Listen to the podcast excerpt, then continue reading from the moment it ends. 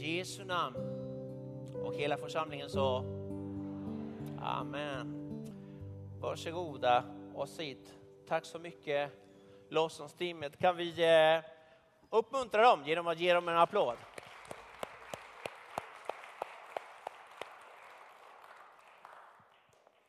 Amen.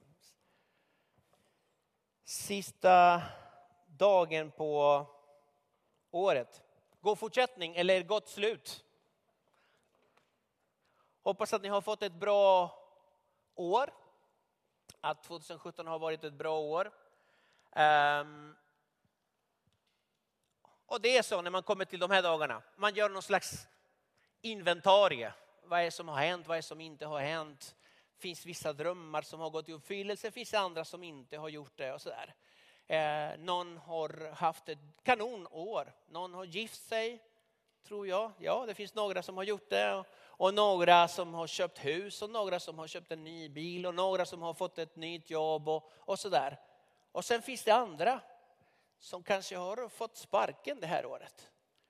Som inte har gått bra alls det här året, som man bara längtar efter ett nytt år. Oberoende hur ditt år har varit får vi allihopa tacka Gud. För att han har varit med oss i och med detta. Och eh, tänker vi så, då kommer vi att ha ett välsignat 2018. På grund av att han är med. Mm. Bara att Jesus är med har vi ett välsignat liv. Oberoende omständigheterna, oberoende hur vi känner oss. Är han med oss, då har vi ett välsignat liv mina vänner. Eh, livet kan beskrivas på olika sätt. Någon kan säga livet är som en berg någon annan kan säga livet är som ett pokerspel. Man spelar med de korten man får. Jag tänkte prata om livet som eh, eh säsonger. Livet har säsonger. Livet, har, livet är som en bok med olika kapitel i. Och eh, varje kapitel kan ha olika, olika aspekter och olika saker. Som till exempel, du vet, man börjar skolan när man är eh, 6-7 år där någonstans. Man börjar skolan, grundskolan och då kommer man att sitta i en skolbänk ganska länge hela grundskolan, hela gymnasiet och väljer man gå vidare hela universitetet också. Och det är ja, skoltiden. Så heter det kapitlet. Och sen slutar det kapitlet för att börja ett annat som har med arbetslivet att göra. Och där är många år till. Tills det tar slut också. Och då börjar en annan säsong. Pensionstiden också. Det är när det gäller arbetslivet. När det gäller relationer, ja, då hittar man sin livspartner. Och då förvandlas singellivet till att uppleva äktenskapet. Mm. Och sen ifrån det kommer barn och livet förändras efter det. Det är en ny säsong mm, med barnen hemma tills Förhoppningsvis de flyttar när de är 18. Eh, eller något sånt. Jag håller på med just det, så att det, ja, ni vet hur jag ber nu. Eh, men, men det också tar slut. Så säsongerna förändras. Och sen finns det andliga säsonger. Och det är till exempel när jag möter Gud för första gången. Då var jag 19 år och jag visste ingenting om Gud egentligen. Men när jag tog emot Jesus, då hände det någonting. Då började en helt ny säsong i mitt liv. Jag hade tänkt att bli advokat. Då pluggade jag på universitetet och mitt liv, jag visste exakt hur det skulle se ut. Men precis, precis. Och det var precis inte som jag hade tänkt mig.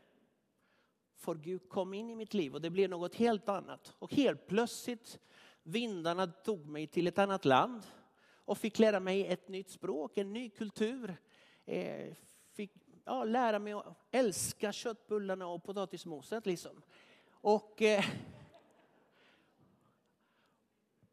och sen privilegiet att kunna predika och undervisa på det språket. Jag är väldigt tacksam med olika säsonger. Det blev inte som jag hade tänkt mig. Det blev faktiskt bättre. Och så är det med Gud.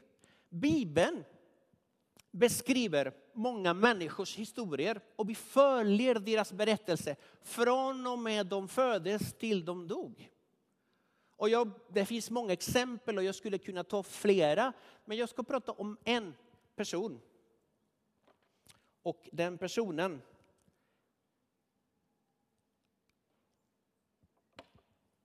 hette Mose. Mose han är en sån där typexempel på säsonger faktiskt. I hans liv kan vi hitta tre säsonger. Tre ganska så definierade säsonger av 40 år varje säsong. Han levde 40 år hos farao i Egypten. Och vi kan säga så här, farao och allt vad han stod för påverkade hans första åren tills han var 40. När han var efter 40 började en ny säsong där han flyttade till Midjans land och då bodde han hos Jetro, hans svärfar. Och det påverkade honom också. Det påverkade hans liv, det formade honom tills han blev 80 år. Och när han trodde att han skulle till pensionen, då blev det en förändring och det blev en ny säsong. Där han var i tjänst för Gud i 40 år. Och dessa år formade också honom. Ehm, vi börjar med första säsongen. 40 år hos farao. Och vi kan läsa tillsammans en text där. Jag skulle vilja att ni, när ni kommer hem, att ni läser Apostlagärningarna kapitel 7 från vers 20 och framåt. För där pratar, det pratas mycket om just Mose. Ehm, och Mose, nej inte den, utan den. När han hade fyllt 40 år steg den tanken upp i hans hjärta att han skulle besöka sina bröder, Israels barn. En liten beskrivning på den första perioden. Ehm, Mose, det kan ni kanske historien, annars har ni sett filmen Prinsen av Egypten. Men då tar vi en liten resumé på det. Mose föddes i en eh, hebreisk familj, slavar, eh, befinner sig i Egypten.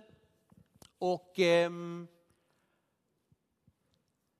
och eh, Farao, den högsta auktoriteten i landet, hade bestämt sig för att göra slut på alla dessa hebreer, eller i alla fall minska deras inflytande i landet. Och då sa han, man ska göra sig av med alla pojkar. Alla pojkar ska dö. Fruktansvärt. Men så var det.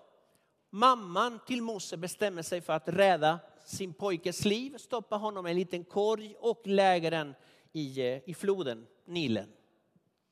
Eh, lite längre bort kommer en, eh, en kvinna att ta hand om, om den här korgen och det här barnet och det råkar bli, det råkar bli, det råkar bli faraos dotter.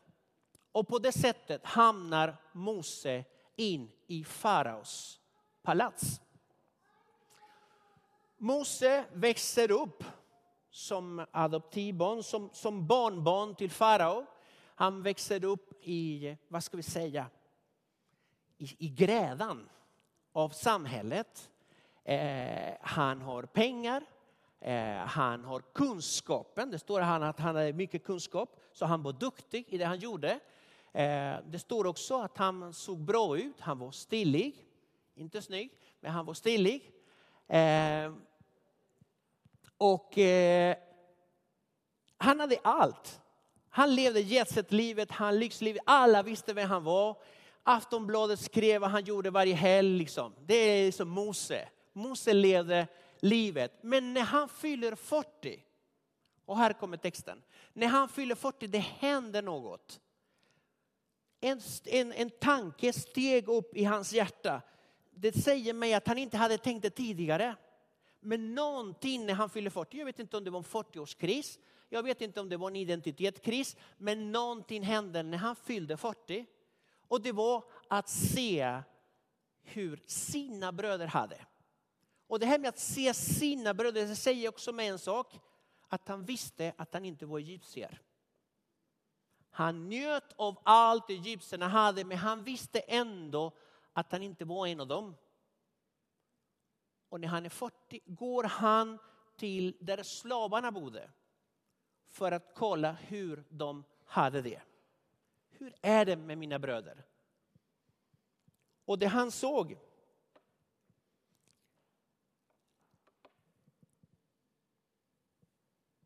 rörde honom väldigt, eh, väldigt djupt. Han ser en egyptier slå en slav, henne brev. Jag kan, tycka, jag, kan, jag kan tänka mig att han har sett det tidigare. Jag, jag kan tänka mig att han har sett det tidigare. Men just nu, när han befinner sig i de här tankarna, han reagerar.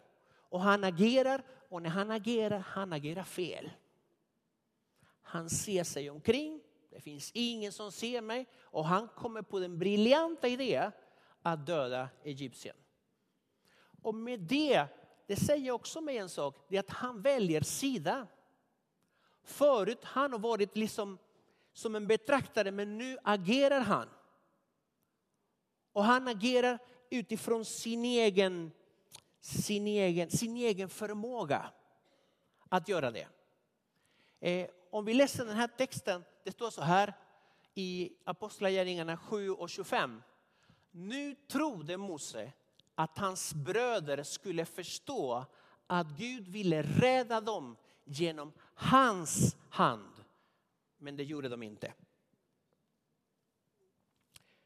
När han ser den här situationen, när han dödar egyptien och gömmer, och gömmer honom, då trodde han på något sätt det att folket, hebreerna, skulle förstå att det är han som är befriaren, räddaren, han som skulle ta Israel eller hebreerna från Egypten. Det var vad han trodde. Ehm, läser ni vidare i texten kommer ni att få se att redan dagen efter, dagen efter fick farao veta detta och farao ville döda honom. Och det här säger mig flera, flera saker. Och det är för det första hur i all sin dag fick farao veta när det fanns ingen som tittade på? Det fanns inga vittnen. Ja, ni tänkte rätt. Killen som han räddade. Det var han som gapade också. Och det kom fram till farao. Så att de som han ville rädda vände sig mot honom. De säger till och med, vem tror att du är? Vem har kallat dig till ledare, till domare? Vem tror du att du är? Ja, tackar för det.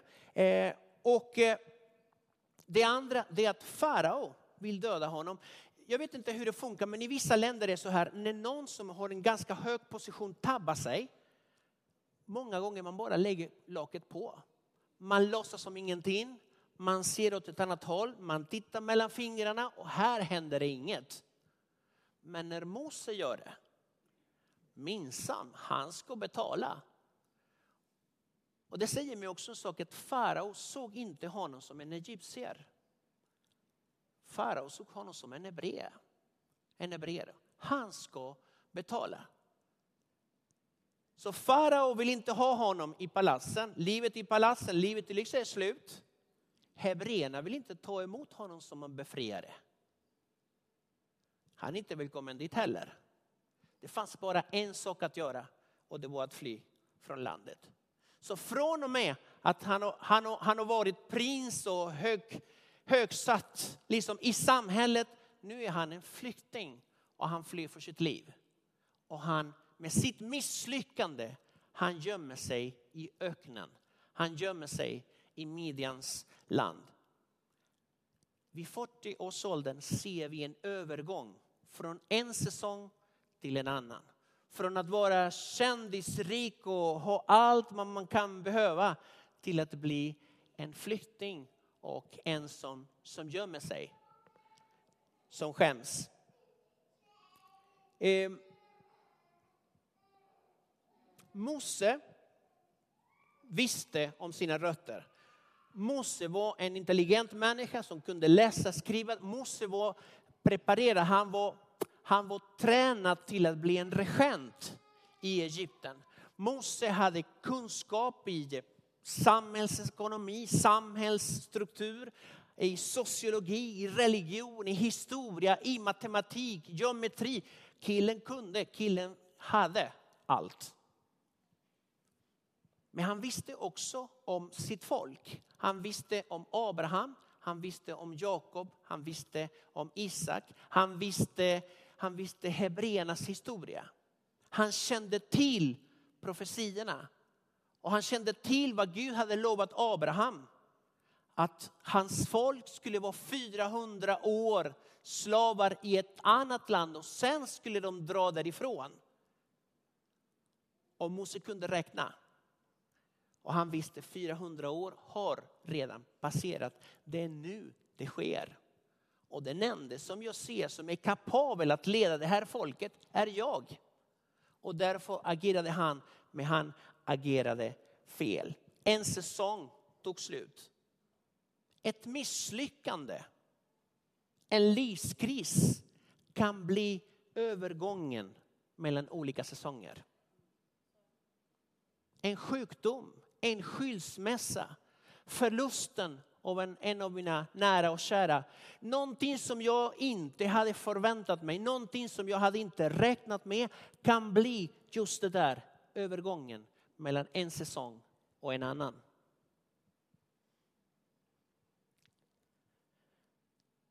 Mose hade varit i eh, faraos skola i 40 år.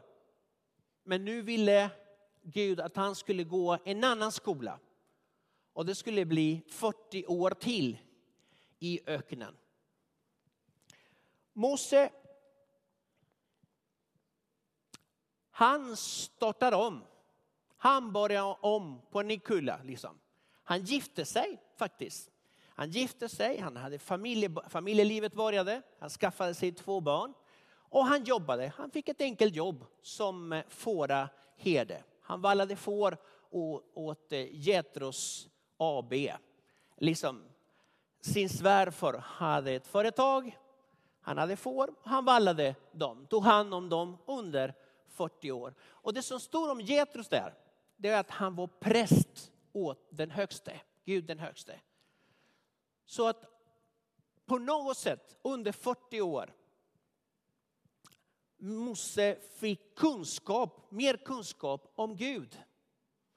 Någonting i hans hjärta måste, han hade 40 år att tänka på vad är som har gått fel. Och när han fyller 80 år, alltså 40 år till.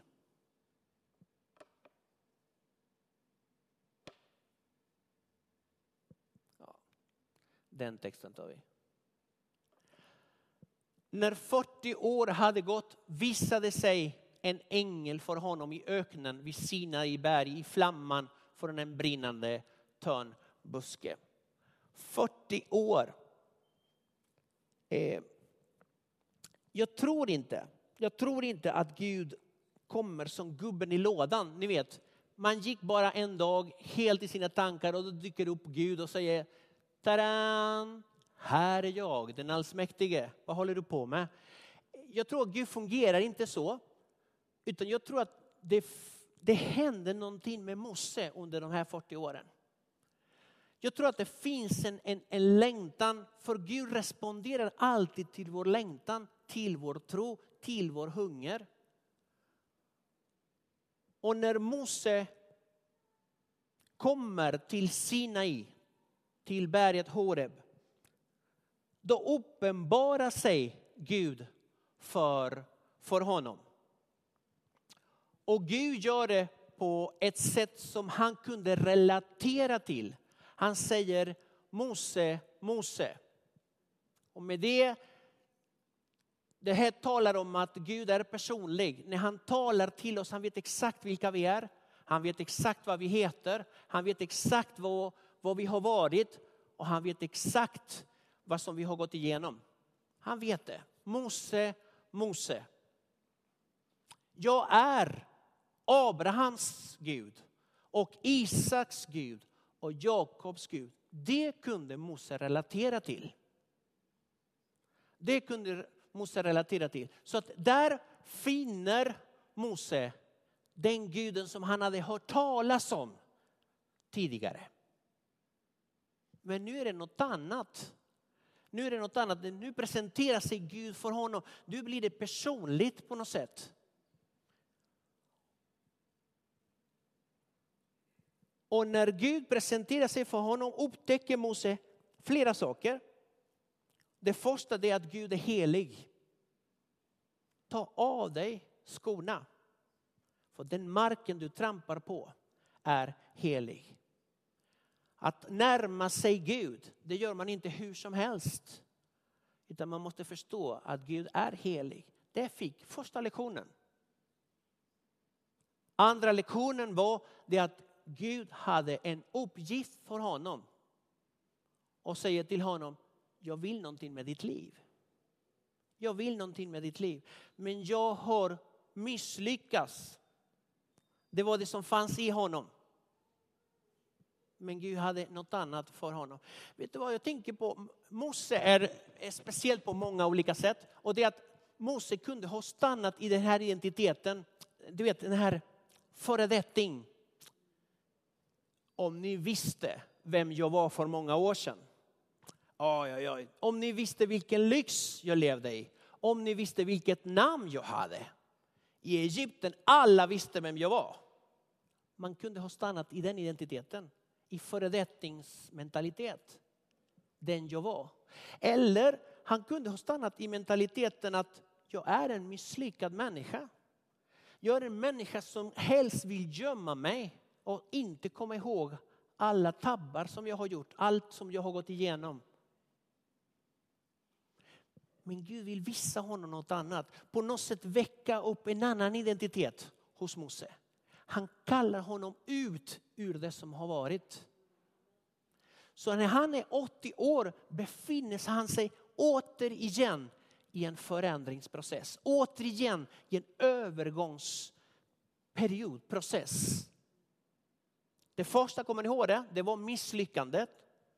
Det betyder för honom 40 år borta från Egypten, 40 år borta från allt och hamnade i öknen i Midjans land. Men återigen, när han trodde att nu kommer pensionen, nu tar vi det lugnt, nu ska vi ge uppgifterna till någon annan, nu ska jag sluta, nu ska jag landa. Och precis där kommer Gud och säger, du fel igen, vi ska göra något annat.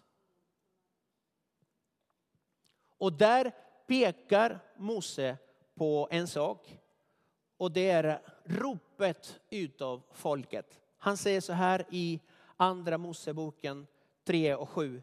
Herren sa, jag har sett mitt folks, hur mitt folk förtrycks i Egypten och jag har hört hur de ropar över sina plågare. Jag känner till deras lidande. Gud har sett någonting, Gud har hört någonting, Gud upplever någonting och han ser att lösningen på det, bönesvaret för det är fortfarande Mose. Jag tror att Mose kände kallelsen redan tidigt. Men han kände inte sin Gud. Så han agerade i sin egen förmåga, i sin egen frustration. Men nu kommer Gud att lära honom hur man gör egentligen. Det är att lita på honom. Det han kommer att upptäcka av Gud, det är att Gud är en sändande Gud. Han säger gå, gå nu. Vart ska jag gå? Du ska gå till samma land där du misslyckades. Och du ska tala om för farao, världens mäktigaste man, att han måste släppa alla dessa slavar som tillhör mitt folk. Alla dessa gratisarbetare ska han släppa. Och Mose på en gång, inte jag, jag kan inte prata, jag kan inte. Jag tror att han, jag tror att han som med, han hade en hel lista på varför inte han.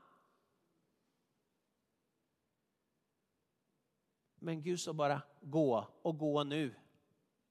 Gå nu. Du är svaret på människors böner.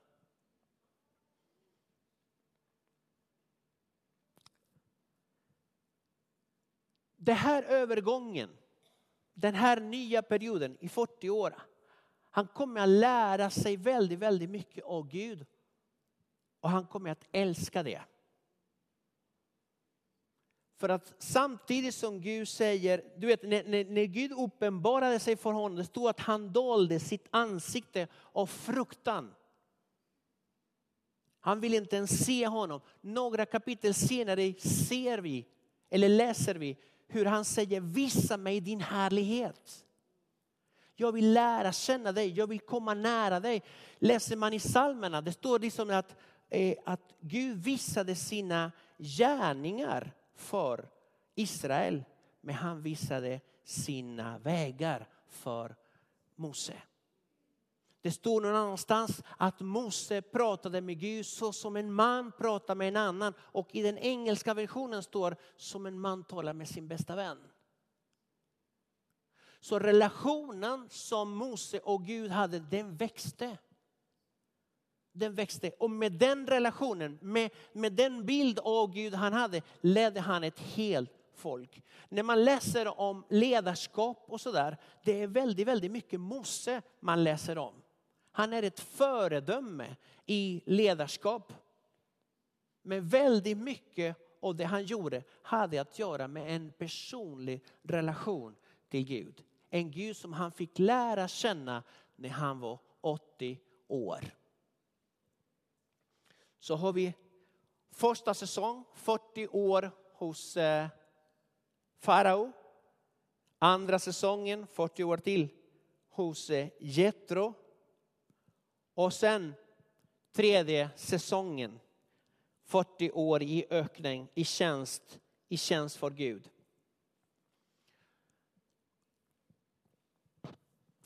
Jag tycker på något sätt, jag, jag har en känsla när jag tänker till exempel på, på vår församling. Och det är att vi befinner oss just i en övergång. Jag vet inte om ni, om ni har tänkt på att Gud har sagt flera, vid flera tillfällen att det kommer en ny tid, det kommer en ny tid, det kommer en ny tid. Och för mig, det är mer än att bara det låter bra, utan att det finns en ny säsong. Var det är längre fram. Vi befinner oss precis där i en övergång. Precis där i en övergång. Och jag tror att det finns vissa saker som man ska inte ta med sig i den nya tiden. Som till exempel misslyckanden eller framgångar. Om man, om man, om man lever med den här premissen, oh, det var så bra på 70-talet. Ja, då, då var det grejer. Då är man kvar där. Och man kan inte se längre fram. För att det enda sättet man förväntar sig att Gud ska komma är Gud alla 70-talet eller 80-talet eller 90-talet.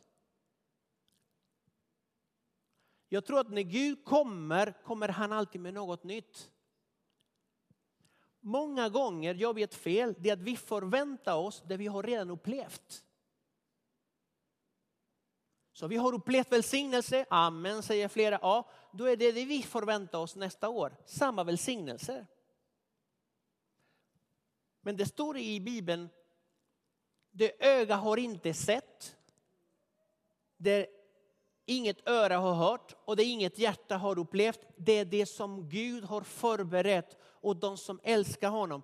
Vad betyder det här? Det betyder att förbereda sig för saker som vi har aldrig sett. Att förbereda sig för saker som vi har aldrig hört. Att förbereda sig för saker som vi har aldrig upplevt. Hur ber man för det? Men jag tror ändå att för en ny säsong, det som krävs det är att förbereda sig för just den tiden. Att förbereda sig för en ny tid. Gud, när du kommer i den här nya tiden, jag vill inte se det gå förbi. Utan jag vill vara en del. om du är 15, om du är 20, om du är 30, om du är 40, om du är 60, om du är 80, om du är 100. Jag vill inte missa när Herren kommer i sin nya tiden. Och därför måste man släppa vissa grejer, vissa tankar. För att det som Alfred pratade om, en, ett nytt blad. Vi har ett nytt år, en ny tid. Det finns ingenting som är skrivet än att komma in i den nya säsongen med rätt hjärta. Och det kräver förberedelse. För Mose betyder 40 år hos farao, 40 år hos Jetro. Nu var hans hjärta redo för det som Gud hade tänkt sig de nästa, nästkommande 40 åren, nästa säsongen. Om du är här och du är 80 år, du ska veta en sak, Mose var 80 år när han började. Pensionen, glöm den. I Guds rike finns inga pensionärer, det finns bara ambassadörer. Det finns bara ambassadörer. Det är inte tid att landa, det är tid att börja. Jag tror att Gud har en tid med sig, en ny tid. Och den tiden, jag tror jag har beskrivit lite grann hur den tiden kommer att se ut. Den är präglad av hunger. Gud sände hunger över landet. Inte hunger efter bröd eller vatten utan efter att få höra Herrens ord. Vad är det jag behöver göra? Förbereda mig för den tiden. För Gud kommer att komma med hunger över landet. Se till att du har bröd hemma. Förberedelse. Det andra det är inte att ta med sig saker från det förra säsongen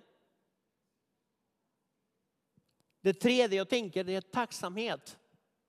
Det är väldigt viktigt när jag börjar en ny säsong att jag kommer med tacksamhet i den nya säsongen.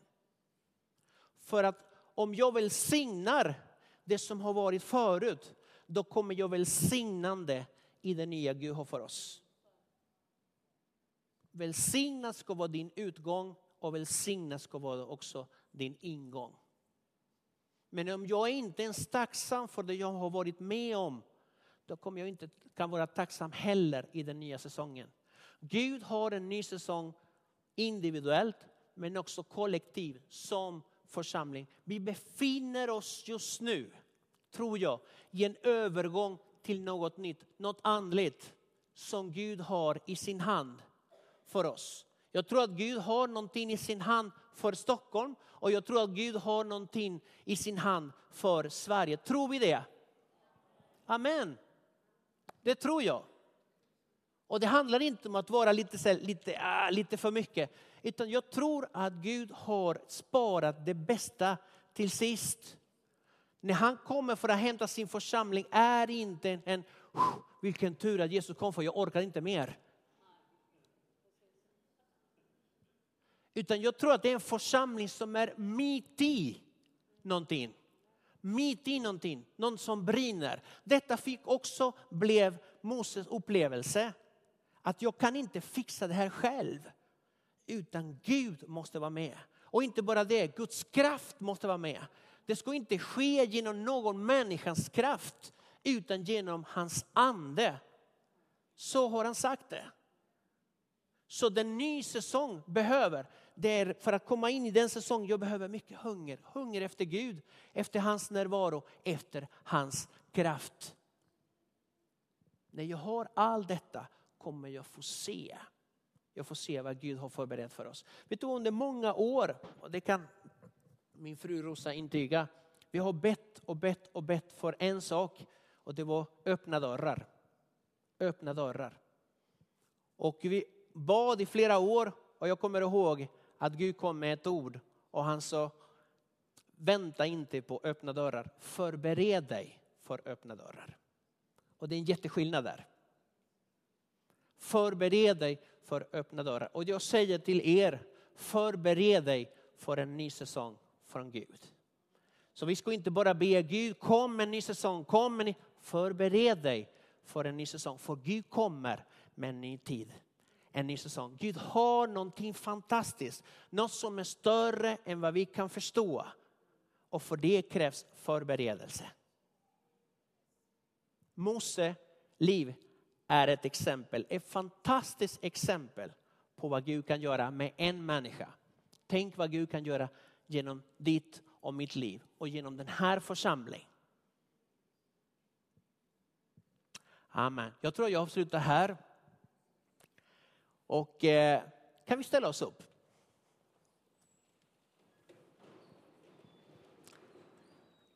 En ny tid från Gud är ämnet för idag. Och det får oss att tänka, inte bara på det här året, utan på det året som vi har längre fram, 2018. Fantastiska. Jag vill bara liksom tacka Gud redan här och nu för alla nya människor som vi kommer att träffa det här året som kommer. Och för alla under och tecken som vi kommer att vittna om det här året som kommer. Låt oss be en liten bön. Och när vi ber ska vi inte sluta året på bästa sättet. Att be med hela hjärtat. Bara liksom att vi utgjuter våra hjärtan i den här bönen och säger bara Gud, vi tackar dig för det här året som har varit. Men vi tackar dig för allt vi som väntar 2018. Allt som kommer att ske nästa år. Kan vi inte göra så? Ena oss i en bön och bara be för det nya året. Herre Jesus, vi tackar dig. Tack min Gud för att om det finns någonting du är så är det du trofast. Du har varit trofast alla dina löften det här året min Gud. Tack för att i svåra stunden du har varit med oss. Tack min Gud för att i bra stunder min Gud, du bara tar oss fram. Tack min Gud för att du omsluter oss på alla sidor och du håller oss i dina underbara händer. Tack min Gud för segern som du har vunnit min Gud, en gång för alla. Det gäller idag och rakt in i evigheten min Gud. Vi tackar dig. Tack min Gud för vem du är. Vi tackar dig Herren. Vi tackar dig min Gud också för det underbara året som du ger oss. Tack för alla nya människor vi kommer att få träffa. Vi tackar dig min Gud för alla under du kommer att göra. Vi tackar dig min Gud för alla människor som kommer att ta emot dig som frälsare och Herre. Vi tackar dig min Gud för alla människor som kommer att döpas nästa år. Vi tackar dig min Gud för alla människor som du kommer att, att bota, att befria, att lyfta, att upprätta. Min Gud, vi tackar dig. Tack min Gud för allt detta ligger precis framför oss. Hjälp oss att ta ett rätt hjärta, att förbereda oss för det som kommer.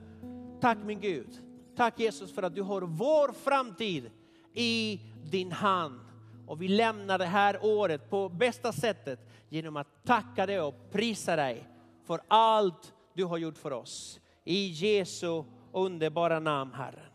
Och all folk sa Amen. Låt oss prisa Gud. Eh, vi ska be förebedjarna komma fram. Ni kan komma här i hörnet och eh, ställa er.